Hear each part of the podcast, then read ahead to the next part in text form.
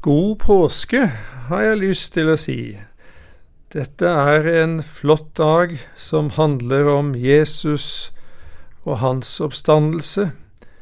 Ja, Jesus lever, det skal vi få glede oss over. Vi må takke og be.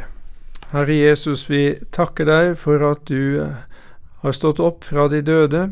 Du lever og du lever for oss og med oss og i oss. Vi takker deg for det, Jesus, og vi ber om velsignelse over det vi skal dele med hverandre nå, i ditt navn.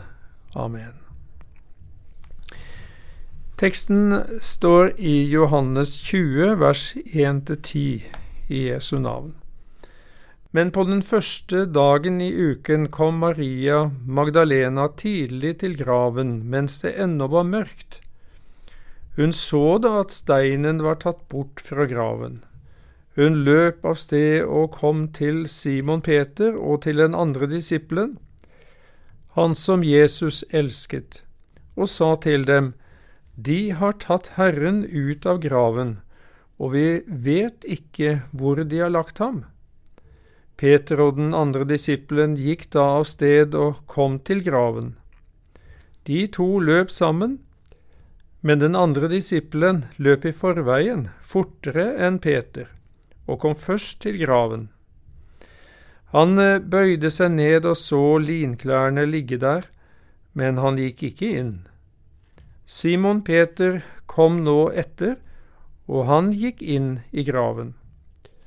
Han så linklærne som lå der, og at svetteduken som hadde vært på hodet hans, ikke lå sammen med linklærne, men var lagt sammen på et sted for seg selv. Da gikk også den andre disippelen inn, han som var kommet først til graven, og han så og trodde. For de hadde ennå ikke forstått Skriften, at han måtte stå opp fra de døde. Disiplene gikk så hjem til seg selv igjen. Når vi har mistet noen av våre kjære, gir det en viss trøst å besøke graven deres.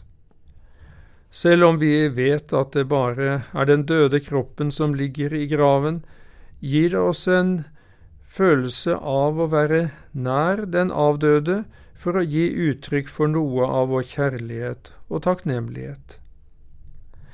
Det var et slikt behov Maria Magdalena kom med til Jesu grav tidlig om morgenen, den tredje dagen etter at han ble lagt i graven. Hun var ikke alene. Ifølge de andre evangelistene var det flere kvinner som ville ære Jesus med å salve ham. Men eh, Maria var spesielt knyttet til Jesus etter at han hadde satt henne fri fra syv onde ånder. Derfor eh, følger Johannes hennes møte med den tomme graven. Det er mulig at hun kom fram før de andre. Hun kom tidlig til graven mens det ennå var mørkt, hørte vi. Det var mørkt utenfor henne, og det var mørkt inni henne. Men eh, hva var dette? Steinen som de hadde omtalt som et stort problem, var tatt bort fra graven. Johannes eh, forutsetter tydeligvis at eh, de andre evangelistenes framstilling var kjent, at kvinnene gikk inn i graven og møtte engler som eh, ba dem gi beskjed til apostlene. Matteus gjengir engelens budskap slik Frykt ikke, jeg vet at dere søker Jesus den korsfestede. Han er ikke her, han er blitt reist opp, slik som han sa. Kom og se stedet hvor han lå. Skynd dere nå av sted og si til disiplene hans, han er reist opp fra de døde. Men eh, dette sterke budskapet om Jesu oppstandelse fra de døde rakk ikke å få gjennomslag før Maria traff Peter og Johannes, han som ble kalt den andre disippelen, han som Jesus elsket. Til dem sier hun, De har tatt Herren ut av graven, og vi vet ikke hvor de har lagt ham. Legg merke til at Maria kaller Jesus Herren, en markering av at eh, hun fortsatt ser på ham som Gud. Men eh, hun regner altså med at de, dvs. Si hagevokteren og hans medhjelpere, har flyttet Jesus til en annen grav. Dette måtte Peter og Johannes kontrollere. Peter og den andre disippelen gikk da av sted og kom til graven. De to løp sammen, men den andre disippelen løp i forveien fortere enn Peter og kom først til graven. Johannes var eh, sannsynligvis eh, yngst av de to.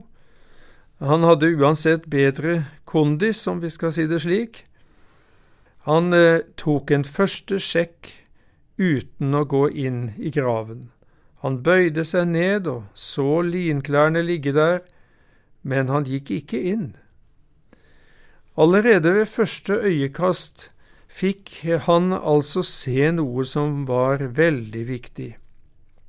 Han så linklærne ligge der. Hvordan stemte det med Marias versjon? De har tatt Herren ut av graven, og vi vet ikke hvor de har lagt ham. Hvis det var noen som hadde flyttet Jesus til en annen grav, hvor sannsynlig var det da at de først hadde tatt de blodige linklærne av ham? Og det var jo nettopp et slikt eh, likrøveri de romerske vaktene skulle forhindre, ifølge Matteus. Da Simon Peter nådde fram til graven, gikk han inn.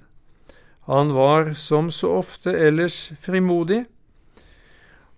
Også han så linklærne som lå der, og at svetteduken som hadde vært på hodet hans, ikke lå sammen med linklærne, men var lagt sammen på et sted for seg selv.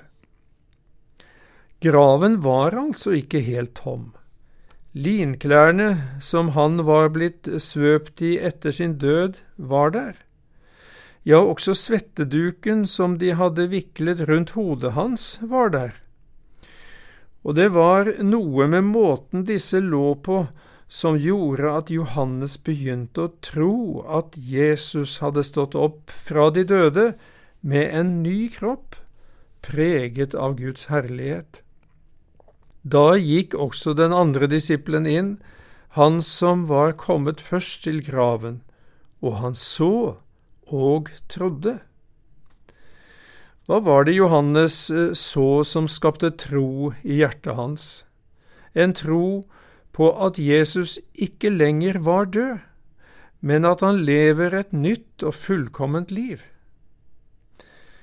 Da Jesus eh, vakte opp Lasarus, ropte han, Lasarus, kom ut! Da kom den døde ut, leser vi ombundet med liksvøb på føtter og hender, og om hans ansikt var bundet en svetteduk. Jesus sier til dem, Løs ham og la ham gå. De svøpte altså liket i to linklede på denne tiden. Et lite rundt eh, hodet til den avdøde, og et stort rundt hele kroppen. Hvis eh, Jesus hadde stått opp på samme måten som Lasarus, måtte noen da ha viklet linkledet og svetteduken av ham. Da hadde det helt opplagt blitt lagt i en haug. Men det Johannes så, var at linkledet og svetteduken lå fint sammenrullet der Jesu kropp hadde ligget, som et tomt skall. Husk at Josef fra Arimathea og Nikodemus hadde brukt omkring 100 pund salve da de svøpte Jesus i linklærne. Det er ca. 32 kilo, det.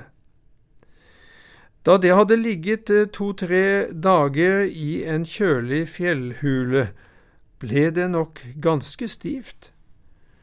Nå lå linklærne der som en tom puppe etter at sommerfuglen hadde fløyet. Det var tydelig at Jesus hadde gått gjennom linkledet og svetteduken, akkurat som han hadde gått gjennom fjellet. Steinen ble ikke veltet bort for å slippe Jesus ut av graven, men for å slippe øyenvitnene inn i den. Men det innebar at Jesus nå hadde fått en kropp med helt nye kvaliteter, med guddommelige egenskaper. Han hadde fått et herlighetslegeme, som vi kan kalle det. Hans menneskelige kropp var nå helt gjennomtrengt av guddommelig natur.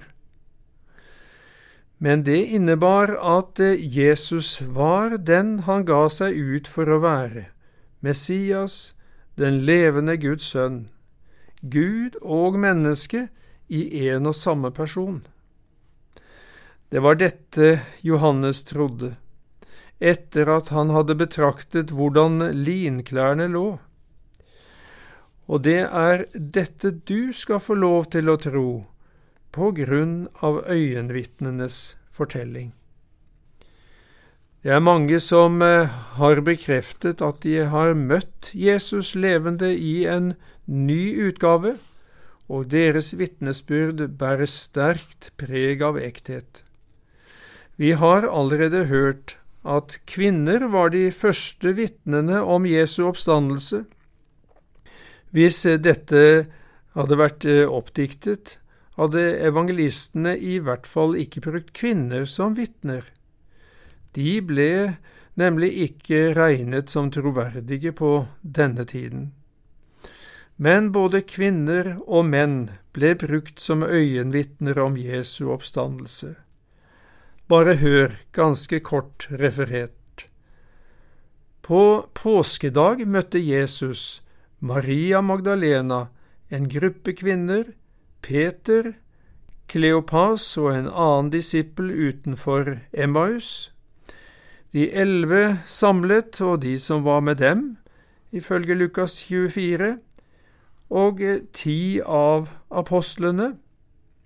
En uh, uke senere møtte Jesus alle apostlene, inklusiv Thomas. Senere møtte han syv av apostlene ved Genesaretsjøen, alle apostlene på fjellet i Galilea, mer enn 500 disipler på én gang, Jesu halvbror Jakob, alle apostlene før Jesu himmelfart, og Paulus på veien til Damaskus. Det som er felles for disse, er Jesus ga dem mange klare bevis for at han levde. Han var fysisk til stede over tid, slik eh, han sier til disiplene sine, Se mine hender og mine føtter, at det er meg selv. Rør ved meg og se, for en ånd har ikke kjøtt og ben, slik dere ser at jeg har. Og da han hadde sagt dette, viste han dem sine hender og sine føtter. Og for det andre, han spiste sammen med dem. Men da de ennå ikke trodde for glede og undret seg, sa han til dem, Har dere noe å spise her? De ga ham da et stykke stekt fisk og noe av en honningkake, og han tok det og spiste det mens de så på. Og for det tredje er de store variasjonene i vitnesbyrdene om oppstandelsen en understrekning av troverdigheten. Dermed kan vi konkludere at Jesus lever. Jesus er stått opp fra de døde. Møtet med sin levende Herre førte også Thomas fra tvil til tro. Det heter om eh, Jesu møte med Han, rekk fingeren din hit og se hendene mine, og rekk hånden din hit, legg den i min side, og vær ikke vantro, men troende. Thomas svarte og sa til ham, Min Herre og min Gud. Jesus sier til ham, Fordi du har sett meg, tror du, salige er de som ikke ser, og likevel tror. Det er lett for oss å tenke at det var så mye enklere for de første kristne å tro på Jesu oppstandelse, ut fra det de fikk se og oppleve. Men det var ikke noen automatikk i det. Når det gjelder troen på Jesu oppstandelse, har vi en felles kilde med de første kristne, nemlig Skriften, Det gamle testamentet. Der er det forbilder og profetier om Jesu oppstandelse. Vi kan ta et eksempel. Salme 16 er en Messias-salme som det henvises til flere ganger i Det nye testamentet for å vise at Jesu oppstandelse var forutsagt. Peter eh, bruker den i sin tale på pinsedag, hvor han forklarer Davids ord på denne måten. Brødre, la meg tale med frimodighet til dere om patriarken David.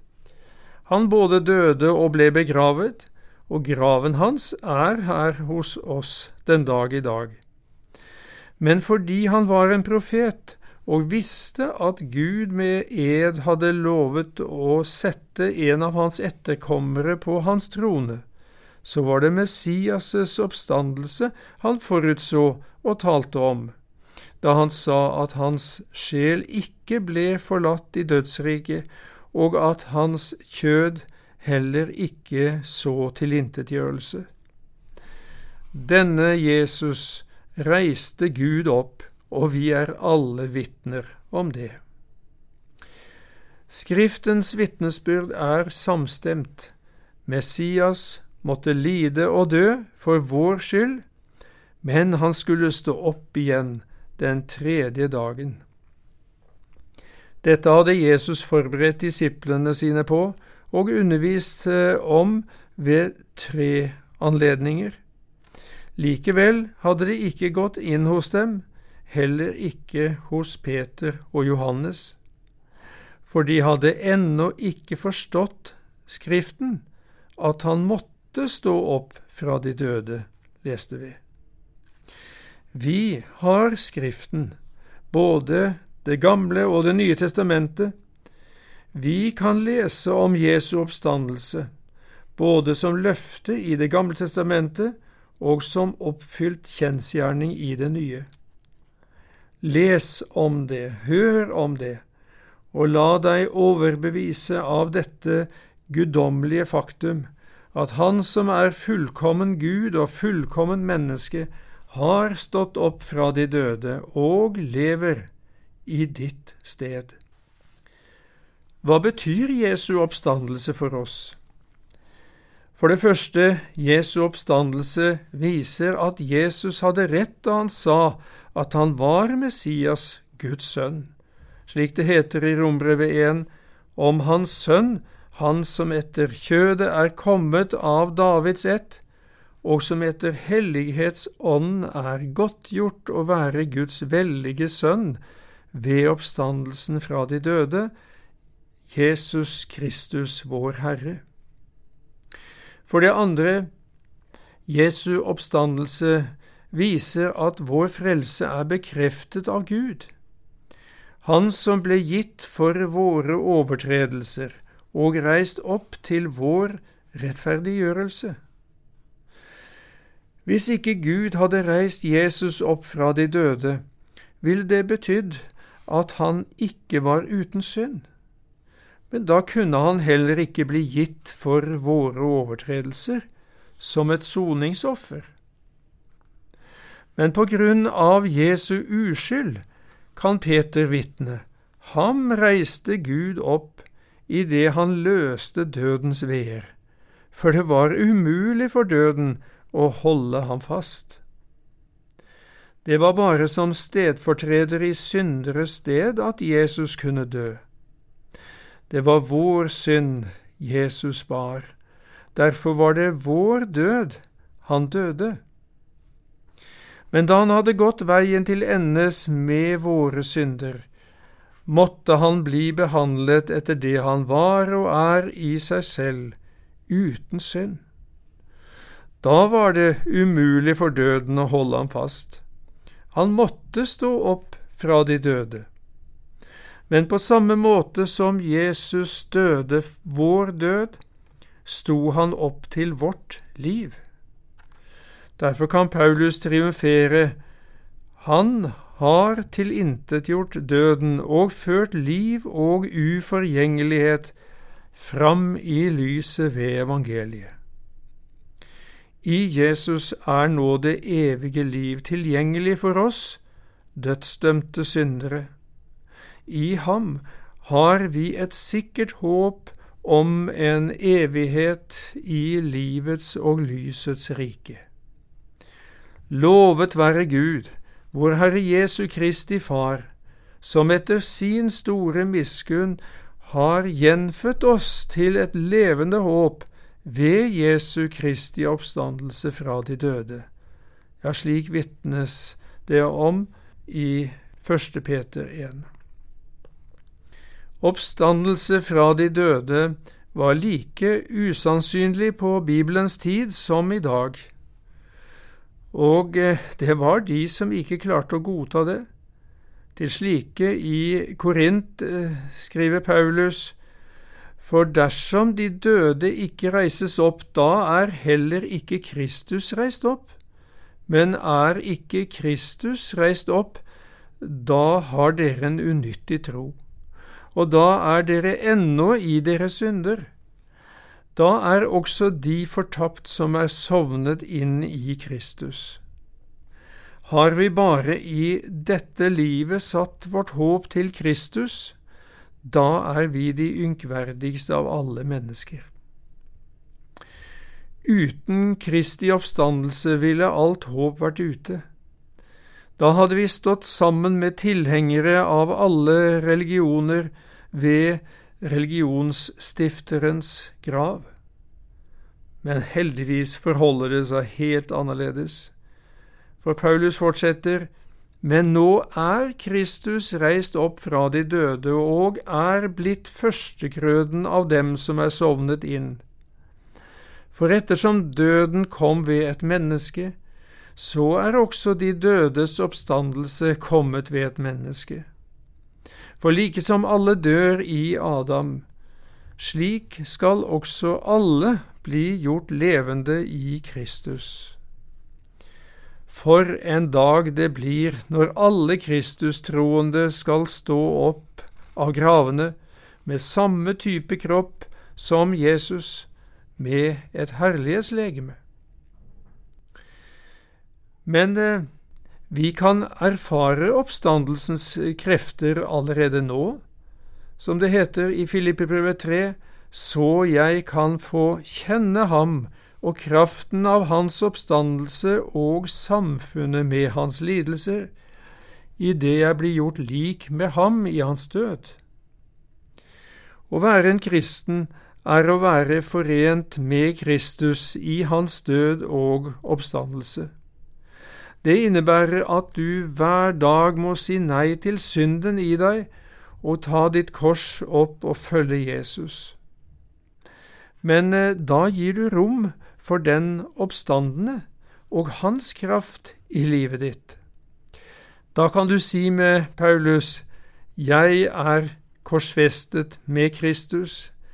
Jeg lever ikke lenger selv, men Kristus lever i meg.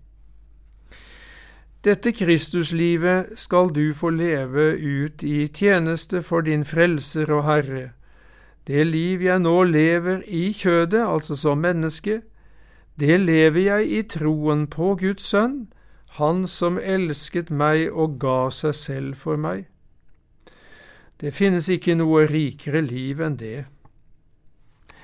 Men eh, Kristus lever ikke bare i meg, men også for meg, for Gud, i bønnens og forbønnens tjeneste.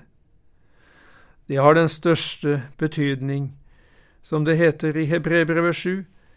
Derfor kan han også fullkommen frelse dem som kommer til Gud ved ham, da han alltid lever til å gå i forbønn for dem. Jesu forbønn for oss garanterer for at vi skal nå målet, den evige frelsen. For ble vi forlikt med Gud ved Hans Sønns død da vi var fiender, skal vi så mye mer bli frelst ved Hans liv, etter at vi er blitt forlikt, heter det i Rombrevet 5. Det er altså mer sikkert at vi skal bli evig frelst, enn at vi nå er frelst ved tro på Jesus Kristus. Vi som i troen har møtt Jesus som en levende frelser, har ansvar for å fortelle dette videre. Engelens oppfordring var klar, skynd dere nå av sted og si. I Johannes evangeliet ser vi Marias reaksjon. Først løp hun av sted og kom til Peter og Johannes og sa til dem, De har tatt Herren ut av graven, og vi vet ikke hvor de har lagt ham. Men senere møtte hun Jesus levende i hagen. Da fikk hun noe annet å fortelle. Jeg har sett Herren. Og hun fortalte dette som han hadde sagt til henne. Hvorfor er det fortsatt så viktig å formidle budskapet om Jesu oppstandelse? Hvorfor må vi fortelle andre at Jesus lever? Fordi det viser at Jesus er den eneste sanne frelseren i verden. Det er ikke frelse i noen annen, for det finnes ikke noe annet navn under himmelen gitt blant mennesker som vi kan bli frelst ved. Dette kan vi ikke holde for oss selv, for vi kan ikke la være å tale om det vi har sett og hørt, sa Peter og Johannes. Vil ikke du også være med å fortelle videre at Jesus lever? Amen.